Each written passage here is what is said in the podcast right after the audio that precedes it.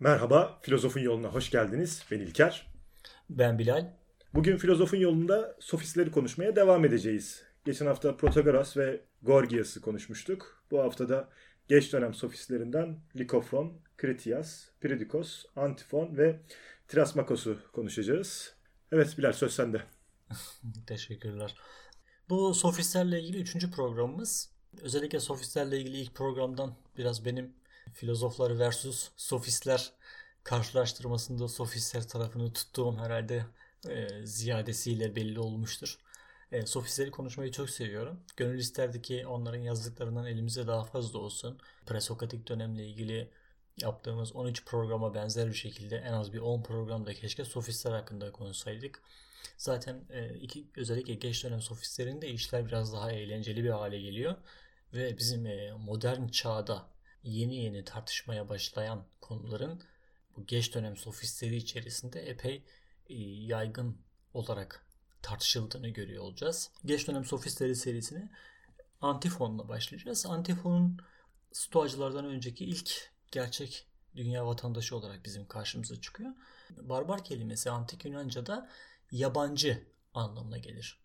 E, bugünkü anlamına kavuşması bir talihsizliğin ürünüdür aslında. İlk olarak yani orijinal anlamı Yunanlı olmayan insanlara, herkese barbar deniyordu. Sadece doğullara denmiyordu. Ve e, gerek Yunan içerisindeki, antik Yunan'daki köle, kadın ve insan ayrımı gerekse de diğer milletlerle Yunan ve Yunan olmayanlar yani barbarlarla olan ayrım e, çok sert bir şekilde o dönemde hissediliyordu. Zaten e, dünya medeniyetinin öncülüğünü yaptığı sırada bu antik Yunan'da diğer milletlere, ya barbarlara nasıl diyeyim yani bir aşağılamayla baktıklarını düşünmek herhalde pek yanlış olmaz. Adamlar medeniyetin zirvesindeyken hani biz bugün bile dünyanın değişik coğrafyaları arasında bu çağımızda bile müthiş bir uygarlık farkı söz konusuyken o çağda kim bilir ne haldedir. Haliyle onlar barbarlara karşı e, olumsuz bir tavır sergileniyor. Keza siteler içerisinde de vardı bu ayrım. Daha önce de biraz söz etmiştik bundan. Mesela Aristoteles gibi bir adam bile Atinalı, Atinalı olmadığı için Atina yerleşkesinde okul açamamıştı. Atina merkez dışında açmıştı lisesini. Oy kullanma veya yönetime katılma gibi direkt Atina'dan bahsediyorum. Yetkileri ya da hakları yok diyelim. Bu vatandaşlar arasında da fark gözetiliyor. Yani bu Yunanlılar ve barbarlar arasında ciddi bir fark gözetiliyor. Antifon burada bizim karşımıza Yunanla Yunan olmayanların eşit olduğu görüşünü ilk defa e, dile getiren e, sofist oluyor. Kendisinden dinleyelim ne diyor bu konu hakkında. Asil babaların çocukları olanları sayıyor ve onlara saygı gösteriyoruz. Asil bir aileden gelmeyenleri ise ne sayıyor ne de onlara saygı gösteriyoruz. Birbirimizle ilişkilerimizde böylece barbarlar gibi davranıyoruz. Oysa doğa bakımından Yunanlı olsun, barbar olsun, Yunanlı olmayan, hepimiz her şeyde aynı olarak yaratılmışızdır. Zorunlu olan doğa yasalarına itaat etmek herkes için geçerlidir. Aynı şekilde bütün bunlar herkes tarafından elde edilebilir ve bu şeylerin hiçbirinde birimiz diğerinden Yunanlı veya barbar olarak ayrılamaz. Hepimiz ağzımızla, burnumuzla soluyoruz. Hepimiz ellerimizle yemek yiyoruz. Dönemine Bunu göre epey epey revizyonist düşünceler. Peki Aristoteles'e bile barbar muamelesi yapan bir toplumda bunun yankıları nasıl olmuş acaba?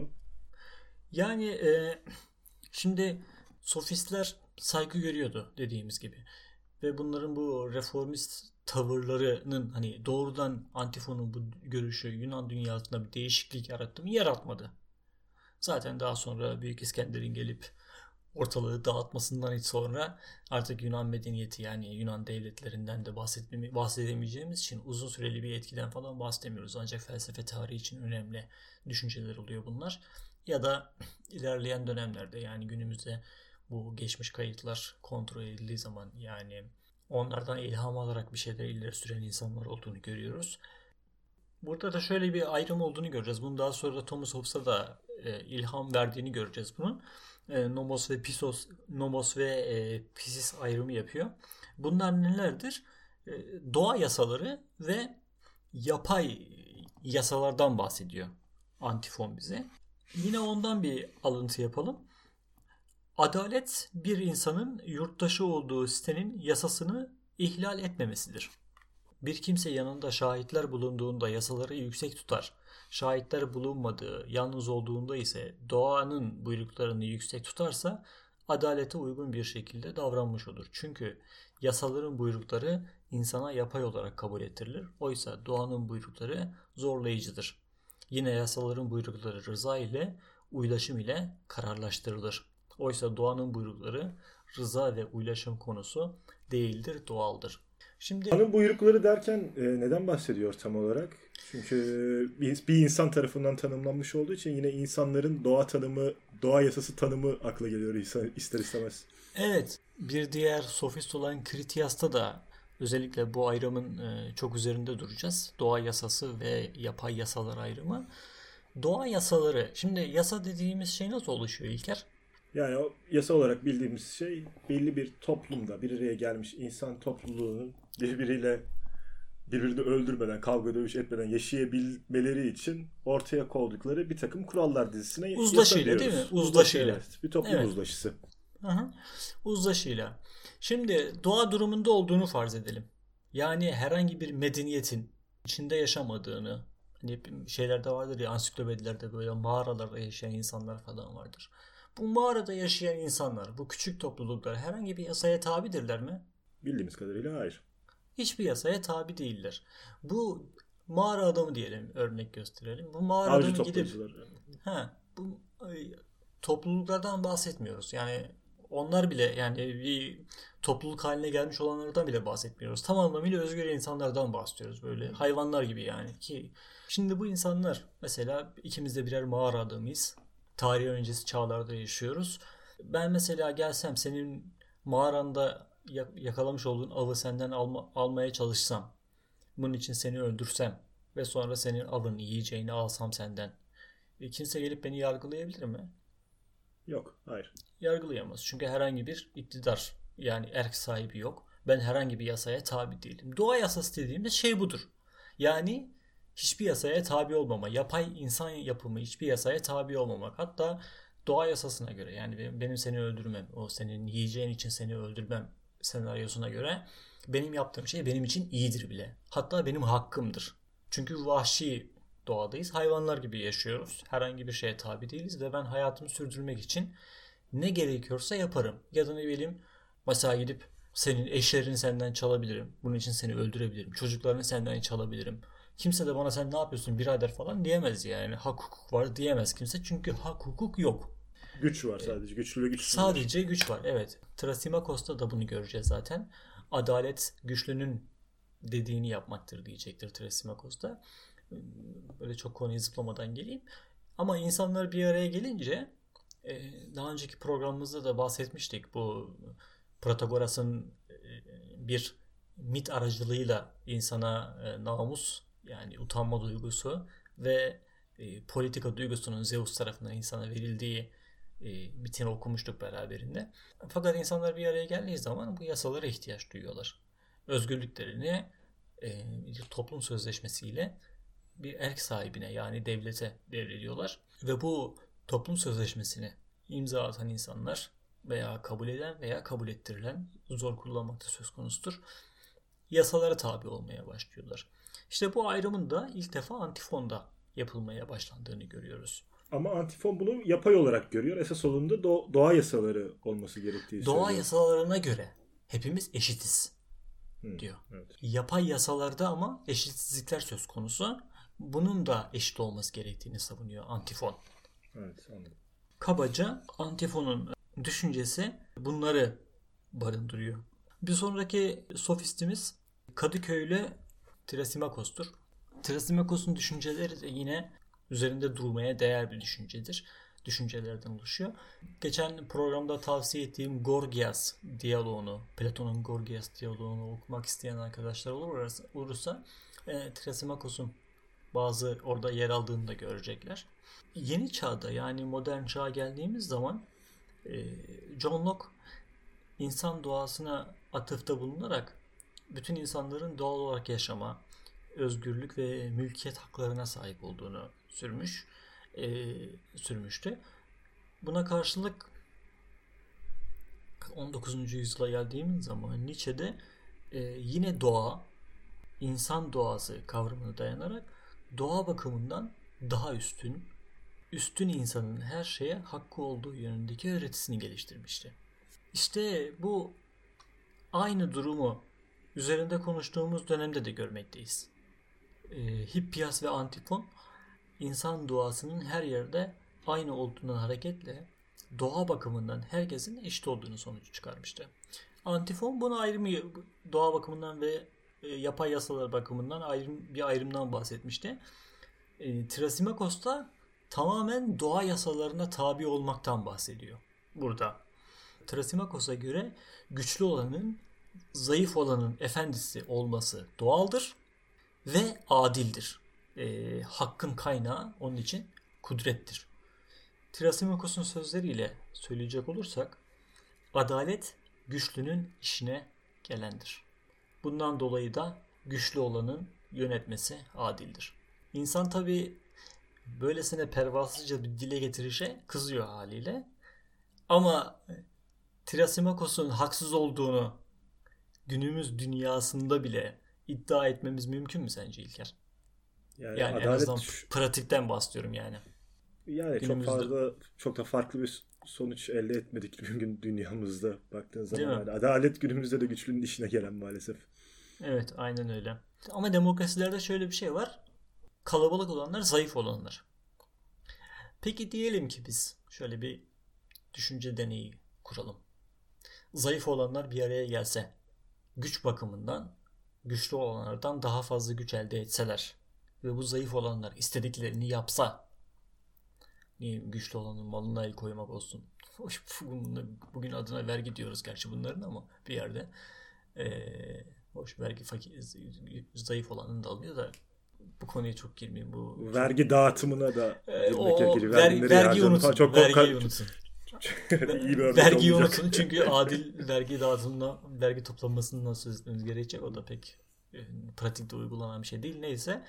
E, peki güçlü olanlar bir zayıf olanlar bir araya gelse ve güçlü üzerinde istediği şeyi yapsa bu adil midir? Trasimakos'un yani, düşüncesine göre. Yani biz buna devrim diyoruz aslında. yani Veya demokrasi bir araya gelip güçlü devrim yası. Bence bu düşünceyi Trasimakos'un düşüncesini hem doğruluyor hem de yanlışlıyor gibime geliyor. Çünkü güç doğa yasaları geçerlidir diyor. Adalet güçlünün işine gelendir diyor. Güçlü kimse onun dediği olacaktır demeye getiriyor. Ama Hı. zayıflar da bir araya geldiği zaman güçlü olmuş oluyor. Evet. Yani bir, bir, bir yönüyle de bir diğerinin antitezi olmuş oluyor bu davranış ve düşünce biçimi. Yani Trasimokos'a göre güçlü olan kimse onun yaptığı şeye adil olandır. O zaman zayıflar bir araya gelse ve güçlü olsa ve onlar istediğini yapsalar bu da adil olacak. Evet. Onun düşüncesine göre. Evet. Ben bu Trasimakos'un işte Gorgias diyaloğunda ilk okuduğum zaman sinirlenmiştim. Zaten Trasimakos'un kendisi de çok sinirli diyalogta. E, Sokrates'i azarlıyor falan sürekli. E, hakaret ediyor vesaire ona. Gaz gaza gelmiş herhalde. Diyalogda bu çok hissediliyor. Ya Platon'un Platon'a hayran olmamak elde değil. Bak onun filozof kimliği ne kadar önemliyse sanatçı kimliği de o kadar önemli. Diyaloglarına ya bir Shakespeare diyalogları gibi değil ama ya insan kendini gerçekten kaptırıyor ve bir bakıyorsun e, yani tribe giriyorsun böyle şey yaparken okurken. E, sinirleniyorsun birilerine. Bak şimdi gördün mü nasıl otur nasıl, nasıl şey yapsın, lafı soktu falan filan diye böyle. o tartışmalar e, çünkü e, boş laf yok yani o diyaloglarda. Ya Trasmakos şey... öyle konuşup duruyordun işte. Muallaf. e, bu diyalogda işte diye bakalım bir yani o diyalogları mutlaka okuyun. Özellikle Gorgias'ı ve e, devlet diyaloğunu mutlaka okuyun. E, hani okunması çok eğlenceli kitaplarda aynı zamanda. Platon'un felsefesini anlamanın tek yolu tabii ki onun şeylerini okumak, e, kitaplarını okumak. Bundan sonraki sofistimiz Kalikles olacak. Ona göre gerçekten de yasaları çoğunluk yani zayıf adamlar yapıyor fark ettiysen hep doğa yasası, yasalar, sofistler hep bunu çok kafa yormuşlar yani. Hemen hemen bütün sofistler bu konu üzerine çok durmuşlar. Hep diyorduk ya sofistler doğayla yani doğa filozofları gibi doğayla, varlıkla falan ilgilenmemişler. İnsanla, insanla ilgili olan şeylerle ilgilenmişler. Artık devletin tartışıldığını görüyoruz sofistlerde. Bu sayede Platon ve Aristoteles de devlet felsefesi yapabiliyorlar. Bunlara karşı argümanlar sunabilmek için yani. O yüzden sofistlerin bu düşünceleri çok önemli. Platon ve Aristoteles'e göre çok daha çağdaşlar yani aslında bakarsan. Gerçi ben böyle şeyler söyleyince e, kolay itiraz edilebilir ya da tartışmaya çok açık oluyor. Çok kendi düşüncelerimi söyleyip bazen böyle üzerinde çokça durulması, izah edilmesi, argümanlarla beraber sunulması gereken düşünceler oluyor. Mesela işte sofistler Aristoteles'e göre daha çağdaş demek. Şimdi bunu söyleyip Sofistleri zan altında bırakıyorsun Bilal böyle konuşarak. Yani yani yok bunu söyleyince ya ne diyorsun sen diyebilir yani birileri. Ee, ama programımız maalesef tarih dersi gibi de oturup e, metinlerden okuyup geçmek de istemiyorum. E, bunların içinde kendi düşüncelerim de var. Yani hak, doğru veya yanlış kendi düşüncelerim de var bu, bu yorumların üzerinde. Ama şöyle diyebiliriz hani e, biz burada hani felsefe tarihinde çıktığımız bir yolculukta olabildiğince nesnel bir biçimde filozofları masaya yatırıyoruz, onları konuşuyoruz. Fakat bir düşünce pratiği geliştirip düşüncelerini anlamaya çalıştığımız için ister istemez de öznel fikirler ortaya koymak zorunda İlla kalıyoruz. İlla canım zaten Hı-hı. felsefe dediğimiz şey de bu yani. Hani biz kendimiz düşünmeyeceğiz, onları eleştirmeyeceğiz, onları okurken zaten felsefe okumak okumak demek e, filozofla tartışmak demektir yani. Ee, yani zaten şey felsefenin tanımlarından biri de filozofun yaptığı şeydir. Evet. Nasıl yani e, haliyle doğru veya yanlış bazen yanlış şeyler de söylüyoruzdur muhtemelen. Bizim bir hocamız geçenlerde dersteyken şimdi siz burada oturuyorsunuz bizim söylediğimiz her şeyin doğru olduğunu zannediyorsunuz değil mi dedi. Tamam Böyle bir, bir ay bir lamba yandı benim kafamda. Gerçekten felsefe yapmak böyle bir şey değildir filozofları eleştirmektir. Hani onların düşüncelerini ölçmek, biçmektir. Bu tez yazım aşamasından falan biraz bahsediyor. Bir argüman de... sunmaktan, kitap yazmaktan falan bahsediyordu. Bizim yaptığımız da kısmen böyle. Hani e, bizler otorite değiliz. E, hele ben yani bir felsefe öğrencisiyim zaten. Bunlar benim düşüncelerim. Bizim de zaten eleştirilmeye ihtiyacımız var bir yerde. Bu yüzden de hani sosyal medyada olsun, bu programları yaptığımız e, sayfalarda olsun haklı veya haksız olduğumuzu veya sorularınızı falan paylaşın diyorum. Bir de sadece felsefede değil diğer başka disiplinlerle de hani elimizdeki olan ham bilgiyi olabildiğince hiçbir şey üzerine hiçbir şey katmadan sunup bir yorum eklemesek ortaya zaten çok anlamsız bir şey çıkıyor. Ya geçen evet. e, İngiliz tarihiyle ilgili bir podcast dinliyordum. E, podcast'ı hazırlayan kişi öylesine kaynakları irdeleyerek, tartarak ve nasıl neyi nasıl tarttığını ve bundan hangi sonucu çıkardığını bize o kadar nesnel bir şekilde anlatıyordu ki bir şey söyleyecek biz bunu nereden öğrendik diyor. İşte Anglo-Sakson e, kaynaklarından veyahut da kroniklerinden öğrendik diyor. Bu sonuç çıkarabilir ama bunun aksine şurada şu örneği görmüş olmak farklı bir sonuçla çıkarabilir diye. Adam anlatırken ben şey diye düşünüyorum. Ya, ya sen neyse anlat dedim ya. Yani biliyorsun mu öyle? Ya ben bir şeye inanmak istiyor insan dinlerken de bir anda bir şey öğrenmiş gibi hissetmiyorsun bu şekilde anlatıldığı zaman da. Ya sen anlat diyor sonra ne öğrendin? Hani ortaya da ham madde olup da üzerine bir şey bir düşünceyle onu işlemeyince de ortada fazla bir şey de kalmıyor aynı zamanda. Evet evet yani e, o konuda da hak veriyorum sana. Yani bizim hani mal bu dersin ya bir, bir Bizim de etimizi bulduğumuz belli. Bize itimat edip etmemek de size kalmış diyelim. E, diyelim ve Kalikles'e devam edelim kaldığımız yerde. Kalikles için neydi? Zayıflar, yani yasaları yapan gerçek insanlardır. Zaten orta sınıf konusu e, antik Yunan'da da modern dünyada da hep şeydir. Önemli bir meseledir. Orta sınıfın yasa yapması hususu. Mesela Aristoteles'e bile geldiğimiz zaman orta sınıftan yöneticilerin e, seçilmesi gerektiğini söyleyecektir. E, orta sınıf garip bir şekilde yani orta sınıf aslında toplumun en iyi e, sınıflarıdır. Yasalara uyma konusunda. Mesela İlker sence üst sınıf, orta sınıf, alt sınıf. Yasalara en, en çok hangi sınıf uyar? Orta sınıf diye tahmin ediyorum ama üzerine pek düşünmeden cevap verdim. En az kim uyar? Üst sınıf. Evet. Ondan sonra alt sınıf uyar. Ondan sonra en çok orta sınıf uyar. En çok yasaları onlar benimserler. E, o vizyonu en çok onlar paylaşırlar. E, üst sınıf yasaları en az uyan sınıfları genelde. Yani bunu gerek politikada olsun, gerek mesela bir şirketin kurallarına en az kim uyar? Şirketin sahibi. sahibi. o gelir böyle insanların yapma dediği her şeyi yapar. Ama çalışanlarının yap, yaptığı şeyleri çok fazla sert eleştirebilir. Üst sınıfın şeylerine tolerans gösterebilir yanlışlıklarına. Yani gider üst sınıf müdürlerinden bir tanesi bilmem kaç milyon doları batırabilir. E, en fazla CV'sine tatsız bir şey olarak kariyerine yerleşir bu. Ama sen çok daha küçük yani e, adamın yaptığı hatanın yanından bile geçmeyecek bir hata yaparsın, işinden olursun vesaire. E, bu bütün toplumlarda geçerli. Şeye geldiğimiz zaman, politikaya geldiğimiz zaman da yasa yapıcının yine orta sınıftan olması gerektiği savunuluyor. Günümüzde de zaten hani bu yasa yapıcılar biz sadece milletvekillerini falan görüyoruz ama bunun arkasında müthiş bir ordu var çalışan. Bir memur tayfa sınıfından bahsediyorum yani. Uzman personeller çıkartıyor bu işleri, yasaların taslakları hazırlanıyor vesaire. Bu işlerin hepsinde bir şeyler yapıyor. Orta sınıf yapıyor aslında bir yerde. Günümüzde bile böyle. Oy kullanıyor bu insanlar. Yani kendi iradelerini iktidara e, bu insanlar taşıyor. Daha kalabalık bir gruplar bunlar. Ve yaşadıkları toplumun ülküsüne de en çok bu insanlar sahip çıkıyorlar. Üst sınıftan bir adam çıkıp yani bugün Türkiye'nin en zenginlerinden çıkıp e, ülkeye, ülkenin değerlerine falan sahip çıktığını göremezsin yani. Sadece şekil yapıyordur genellikle.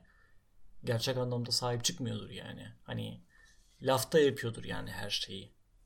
Ama bir ortasının kendini verir şeye. O ülkeye adar kendini. Hayatını bile bazen ortaya koyabiliyor bu düşüncelerini.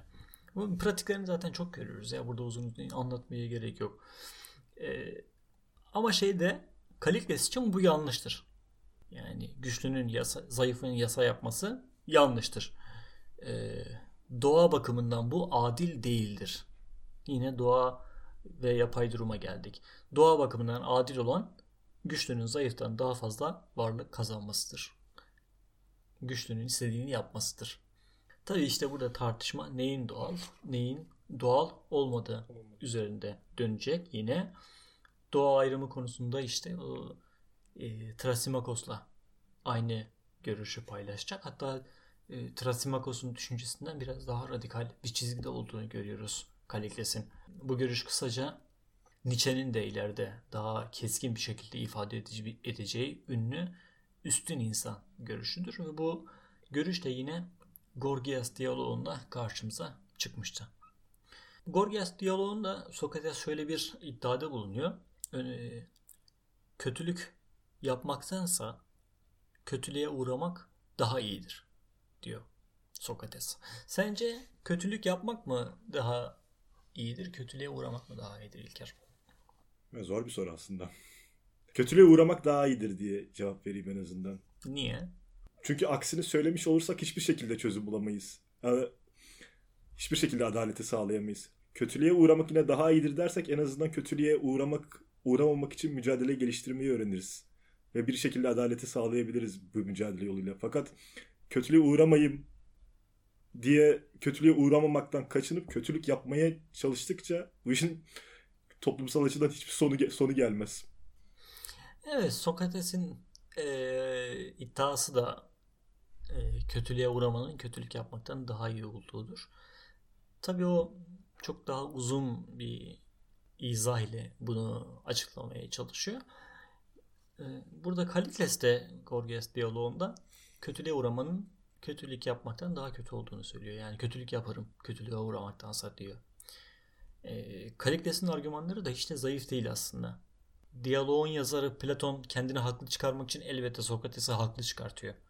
Ama e, Sokrates de yani diyalogtaki Sokrates de kolay itiraz edilebilir birisi. Yani o argümanlarından bahsediyorum. Böyle sözde evet kötülüğe uğramak yani birinin parasını mı çalmak istersin yoksa senin paranın mı çalınmasını istersin? Eğer bu para miktarına göre değişir mi? Mesela soru. Düşünsene şu anda senin 500 bin liranı çalsa birisi bir anda hayatın alt üst olur. Ciddi anlamda hayatı alt üst olacak çok fazla insan var. Hoş o kadar paranın bir anda sende olması da ayrı bir mesele ama 500 bin liralık varlığının bir anda elden çıkması bütün hayatını mahvedecek. Ama yakalanmadan birinin 500 bin lirasını almak senin hayatında eksiden çok, olumsuzluktan çok olumlu olarak yansıyacak senin hayatına. İdealde elbette bunu söylemek yani kötüle uğramanın daha iyi olduğunu söylemek kolay elbette. Ama işte iş pratiğe döküldüğü zaman yeniden bir gözden geçirmek gerekecektir muhtemelen bu düşünceyi. İşte Kalikles için de doğa durumunda. Kalikles cevaz mı veriyor buna? Tabii. Bu argümanlarını savunuyor yani ben kötülük yaparım kötüye vurmaktansa diyor. İnsan doğa yasası gereği yaşamayı ölmeye, özgürlüğü köleliğe, güçlünün güçlülüğü zayıflılığa tercih eder. Dolayısıyla kötülüğe veya haksızlığa uğramaktansa kötülük yapmak veya haksızlık davranmak, haksızlık yapmak eğilimindedir. Kaldı ki haksızlık ve hak nedir? Herkes güçlü olmayı ve gücünün meyvelerinden istediği gibi kel, keyfince yararlanmayı arzu etmez mi?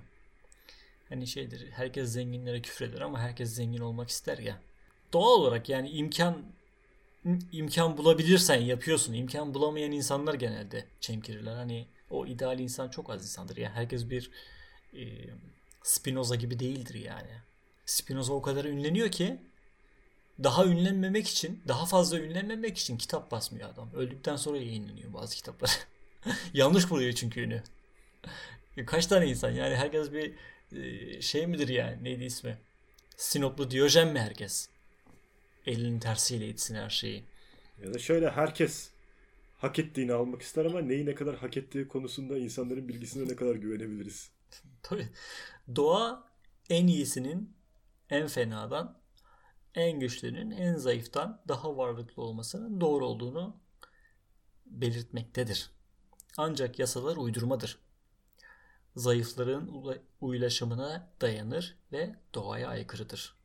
Yasalar doğayı köleleştirmektedir. Kendisinden de bir alıntı yapalım biraz. Doğaya göre güzel ve doğrunun ne olduğunu sana açıkça söyleyeyim. Doğru yaşayacak olanın hırslarını alabildiğine büyümek için salı vermesi, onlara gen vurmaması, ne kadar büyük olursa olsunlar en olgun hale geldiklerinde cesaret ve akıllılık vasıtasıyla içinde doğan her isteği yerine getirmesi gerekir. Bolluk içinde yaşama dilediğini yapma, özgürlük, işte erdem de, bahtlılık da budur. Geri kalan ise yalnızca güzel düşünceler, doğaya aykırı kurallar, saçma ve boş şeylerdir. Rahatsız edici, şöyle rahatsız edici. Hakikatin böyle olduğunu bilmek rahatsız edici bir şey. Yani insan buna itiraz etmek istiyor. Böyle olmaması gerekiyor diyor.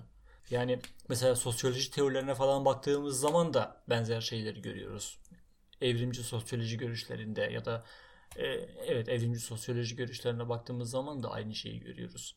E, kendi başına bırakılmalıdır insan. Yani güçlüler ayakta kalmalıdır. E, şeydir ya fittest Survival of fittest. Ama onu biraz da şey girmiyor mu? Sosyal darwinizme giriyor mu? Bu pek bilimle temellendirebileceğimiz bir düşünce değil açıkçası. Hayır, gayet de bilimle temellendirilebilir bir düşünce. Yani bu da bir bilim ee, ve gayet de ka- karşılık bulmuş. Yani felsefi altyapıları hazırlanmış, gerekçelendirilmiş ve pratiği de yapılıyor zaten şu anda bunların. Hani üzücü olan taraf bu zaten. Yani bunu aşamamışız bir türlü. Bir, bir demokrasi ya da ne bileyim bir eşitlik e, e, şeylerini sürdürüyoruz, konuşmalarını. Yani bunlar güzel düşünceler. Ama boş sözler pratiğe baktığımız zaman. Gördüğümüz gibi işte Nietzsche'den aşağı yukarı 2400 yıl önce kudret iradesi görüşünü en az bu kadar açık bir biçimde dile getiren bir adam karşısındayız. Kallikles.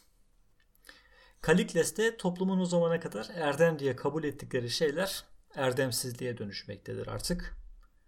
Ölçülülük, kanaatkarlık, diğer kamlık, kendine hakim olmak ve benzeri erdemler artık doğa durumunda boş, faydasız şeylerdir. Bugün erdem dediğimiz her şey onun için boş yani. Bir sonraki sofistimiz de Lokifron olacak.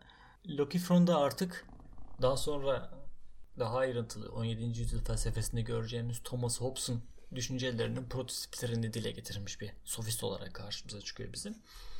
Onun için e, doğal durumda ne bir ahlak kuralının ne de yaşamın olduğunu yalnızca orman yasasının hüküm sürdüğünü görüyoruz.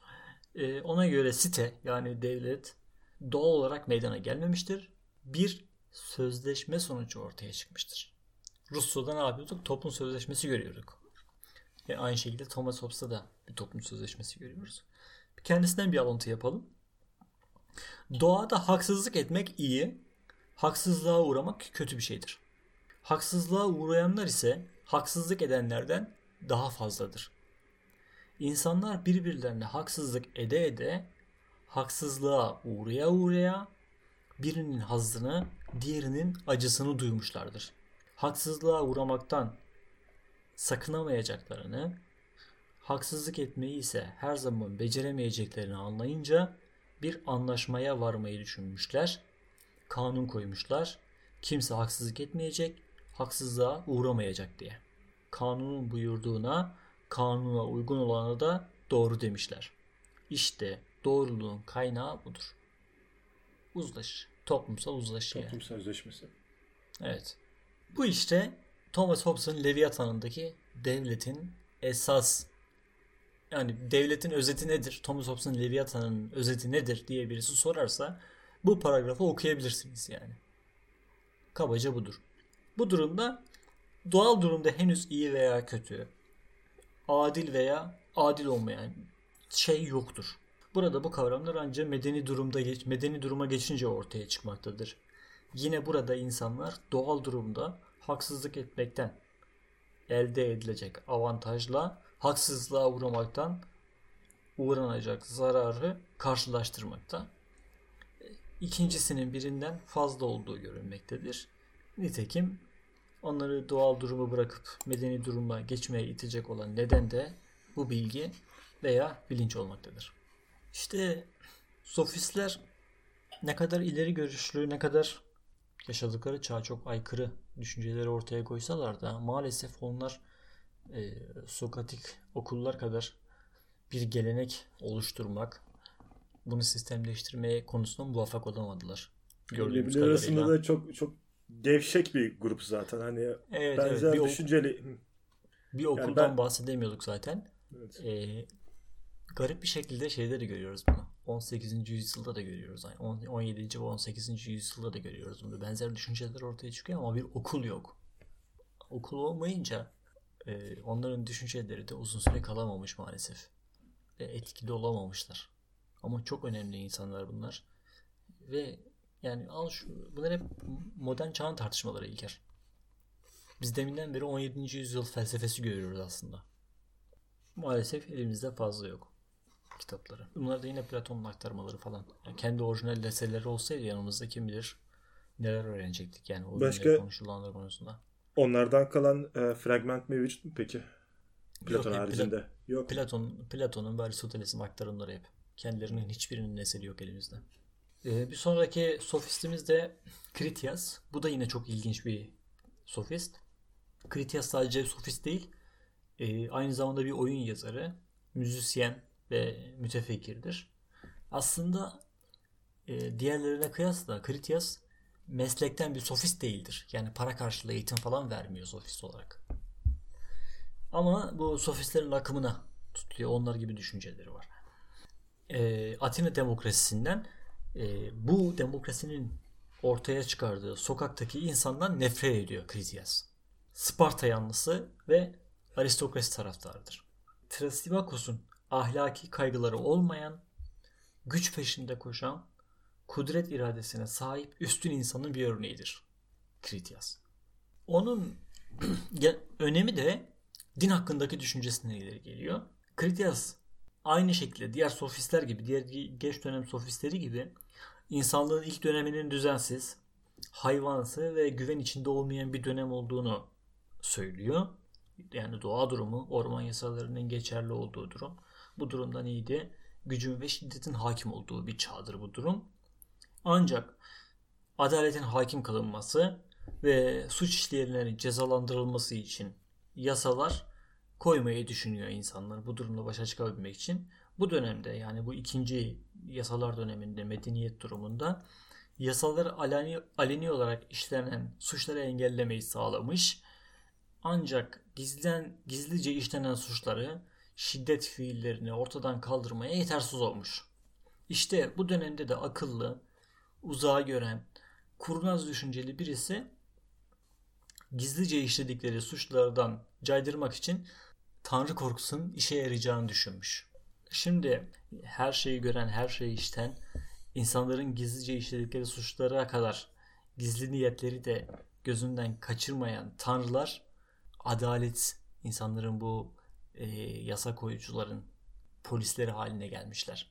Kritias'ın bu tanrı telakkisi bize monoteistik dinleri hatırlatıyor biraz da. Hani antik Yunan tanrılarının ve o dönemki tanrı anlayışının biraz daha farklı olduğunu görüyoruz. Yani dönemine göre acaba yeni düşünceler miydi bunlar? Zaten böyle yerleşik bir anlatı var mıydı? Hani her insanları gözleyen ve adaleti sağlayan tanrı düşüncesi.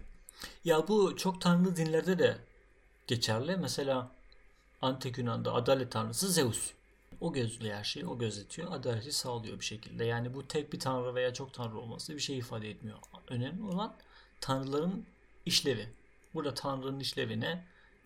Adını olursa olsun, kaç tane olursa olsunlar. İnsanların koydukları yasaları, bunlar din yasaları tabii ki, gizlice işlemelerini, gizlice bu suçları işlemelerini engelleyen bir tanrı işlevsel hale gelmiş ve kullanılmış diyor Kritias. Böylece o insanları tanrılar diye bir soyun varlığına inandırmış ve hayatlarını tanrı korkusuyla doldurarak onların deyim yerindeyse ehlileştirmiş ve medenileştirmiştir yasa koyucular. O halde şunu diyebiliyoruz. Tanrıların var olduğu inancı aslında boş bir inançtır. İşe yarar bir masaldan başka bir şey değildir. Tek kelimeyle bir yalandır. Kurnaz kişilerin uydurdukları bir yalan bu. Bu inancın kaynağının kaynağında insanların korkuları var. Herhalde şunu diyebiliriz ya. Yani Critias kelimenin tam anlamıyla bir ateist. Hem de yani tarihte bilinen ilk ateist. Ne diyorsun İlker?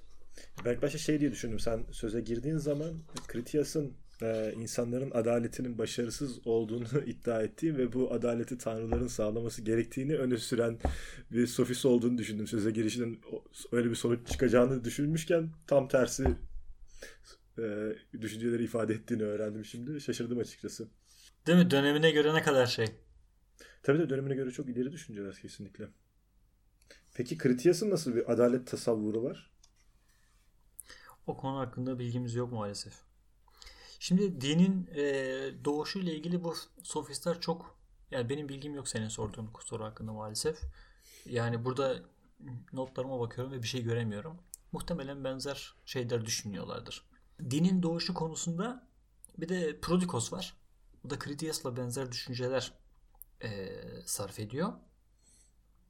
Keoslu Prodikos ilk çağlarda insanların güneşi ve ayı, ırmakları ve kaynakları, yaşamımıza yarayan her şeyi tıpkı Mısır'daki Nil gibi sağladıkları yarar yüzünden Tanrı yerine koymuş olduklarını iddia ediyor ve bu, bu nedenle ekmeğe Tanrıça Demeter, şaraba Tanrı Dionysos, suya Poseidon, ateşe de Hephaistos denmiş ve insanlara yararlı olan her şeye de durum böyle olmuştur. Tanrı tanımaz sıfatını taşıyan Euhemeros, Meloslu Diagoras, Keoslu Prodikos ve Theodoros gibi bazı kişiler Tanrı'nın mevcut olmadığını öne sürmüştür. Prodikos her çeşit dinsel göreneğin, gizemlerin, gizli dinsel törenlerin çiftçilik için gerekli malzemeyle ilişkisi olduğunu söylüyor. Tanrı inancının ve her türlü dini bütünlüğünün de insanlara buradan geldiğini tahmin ediyormuş. E, Prodikos'un şöyle uzunca bir izahı da var bu konuda. Dinin doğuşu. Sisyphos adlı oyundan bir alıntı bu. Bir zamanlar insanların yaşamı düzenden yoksundu.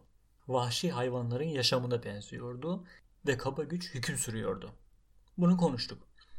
O günlerde iyiler mükafat görmüyor, kötüler cezalandırılmıyordu. Bence insanlar yasaları hak her şeye aynı şekilde hükmetsin ve kötülüğü baskı altında tutsun diye eğitmen olarak koydular. Eğitmen olarak koydular. Ve bir kimse suç işlediği zaman artık cezalandırılıyordu. Yasalar açıkça suç işlemeyi engellediği ve bu yüzden gizli gizli kötülük yapıldığı zaman kurnaz ve zeki biri insanlar için tanrı korkusunu bulduğu gibi geliyor bana. Ki böylece suç işleyenler bunu gizlice yapar ya da kötü bir şey söyler ya da sadece düşünürlerse bile korkuya kapılsınlar diye. Bu yüzden o tanrı inancını yaydı.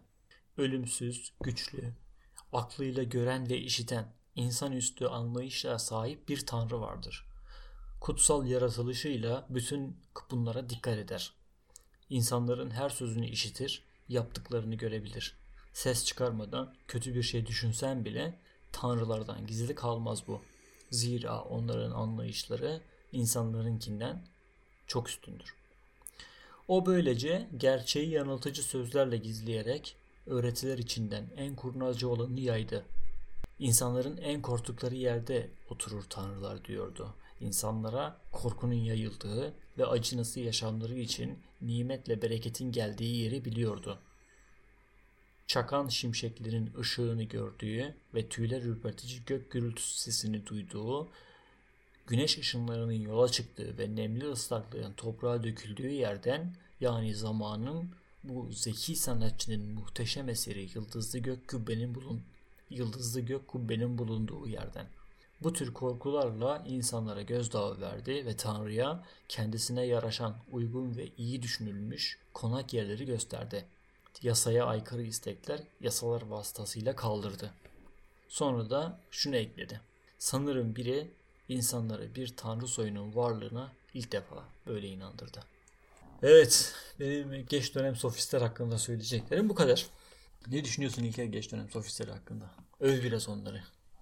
Evet, şöyle toparlamaya çalışayım hatta ben senin verdiğin sırayla. Geç dönem sofistlerine antifonla başladık. Antifonlu barbar Yunan ayrımını yapan ilk e, sofist olduğuna, e, aslında Yunanlıların, barbarların da Yunanlılardan hiçbir farkı olmadığına söyleyecek ve kendisini bir dünya vatandaşı olarak tanımlayacaktır. Ee, evet. Daha, daha sonra Kalikles ve Trasmakos'a geldik. Ee, onlar e, doğa yasalarının e, insanların yarattığı, oluşturduğu yasalardan daha üstün olduğunu savunuyor ve doğada güçlü nasıl doğada güçlü kalan hayatta kalıyorsa onların dediği oluyorsa gerçek hayatta da böyle olması gerektiğini düşünüyor. Hatta biz bunu Platon'dan öğreniyoruz. Platon bunun aksini savunduğu diyaloglarında Sokrates'le onu bir araya getiriyor ve Sokrates'in düşüncesine haklı kılıyor olsa da e, Kalikles özellikle sorduğu sorularla ve hatta anlattıklarıyla neden doğa yasalarının daha üstün olduğunu e, epey vecize örneklerle açıklıyor ve soru işaretleri oluşturuyor insanın kafasında. Buradan Liko, e, Likofron'a geldiğimizde adalet dediğimiz şeyin bir toplum sözleşmesi sonucu ortaya çıktığını söylüyor. Doğal olarak iyi veya kötü yoktur. Bir çatışma vardır. Bu çatışmayı önlemek için de bir takım, bir takım medeni kurallar dizisi meydana getirmek gerektiğini söylüyor ve kanunların yasalarında buradan çıktığını söylüyor. E, Kritias'a geldiklerimizde ise daha da ilginç bir düşünceyle karşılaşıyoruz. Kritias insanların doğal durumdan toplumsal yasalara geçerken ihtiyaç duyulan bir otorite olarak Tanrı'yı öne sürdüğünü düşünüyor. Ve Tanrı'nın e, insanların başarısız olan adaletini ikame etmek, etmek için uydurduğu bir varlık olarak görüyor. Buna paralel bir şekilde Prodikos da Prodikos. Prodikos da aynı şekilde insanların ilk başlarda e, doğada gözlemledikleri şeyi, ekmeği, suyu, şarabı e, tanrılara benzettiğini onlardan esinlenerek tanrılar çıkardığını ve mevcut olan kargaşadan, adaletsizlikten insanları kurtarmak için veya da adalet teminini sağlamak için bir nevi kurnazlık iması yaparak insanların Tanrı'yı yarattığını ifade ediyor. Evet. Burada şunu da belirtmem gerekiyor. Yine dinleyicilerimiz Platon'un devlet diyaloğunu okurlarsa Platon bir devlet tasavvuru yaparken onlara gerekli bir yalandan gere, e, vatandaşlara gerekli bir yalan söylenmesinden bahseder. Bu da şöyledir. Bunun temel amacı şudur. İnsanları bir arada tutmak için bir din gereklidir. Yani bir hikaye gereklidir insanlara. Bir anlatı arada gereklidir, evet. için. Evet, bir mitos gereklidir. Ve bu mitos da Platon'unki biraz tuhaf bir mitos. Di- diyecek ki devletin kendi devletini kurduktan sonra diyecek ki sizler aslında yer altındaydınız. Toprak ana sizi büyüttü. Bu yaşınıza geldiniz. Ee, Şu anda yeryüzüne çıktınız. Hepiniz kardeşsiniz. Birbirinizi koruyun, kollayın diye bir gerekli yalan ya da kutsal yalandan bahsediliyor. Ee, bu da din kabaca. Yani o da bir mitos yani yine.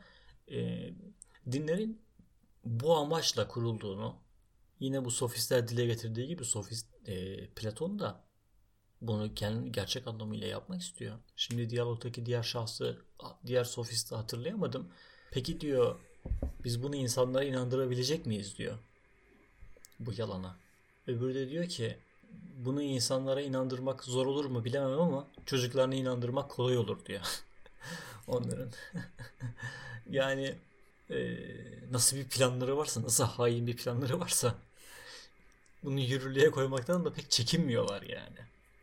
Din gibi anlatıları e, tutması için, o tutkallamak için bir yeryüzü krallığı temin ediyorsun bir manada. Ve Evet. insan bunun içerisine kendini ne kadar ait hissettikçe o kadar da çocuklaşıyor aslında. O yüzden e, çocukları kandırmak zor olmayabilir derken hani buna Şeyleri- inananları kandırmak da zor olmayabilir de. Diğer nesiller yani gelecek Diğer nesiller. Şimdi birisi birisi sana gelse dese ki sen aslında yeryüzünden çıktın. Az önce yaratıldın dese inanır mısın? İnanmazsın. Yani. Ama senin çocuğuna deseler senin baban az önce senin baban işte 50 yıl önce yaratıldı. Ee, sen de onun çocuğusun. İşte toplumuna sahip çıktı sen. Senin çocuğun inanabilir ona veya onların çocukları. Var mı senin sorun konuyla ilgili? Bir sorum olmayacak. Tamam o zaman. Ee, bu programla beraber Sofistler serimizi bitirmiş olduk. Bir sonraki programımızda Sokrates'ten bahsedeceğiz. Esen kalın. Hoşçakalın.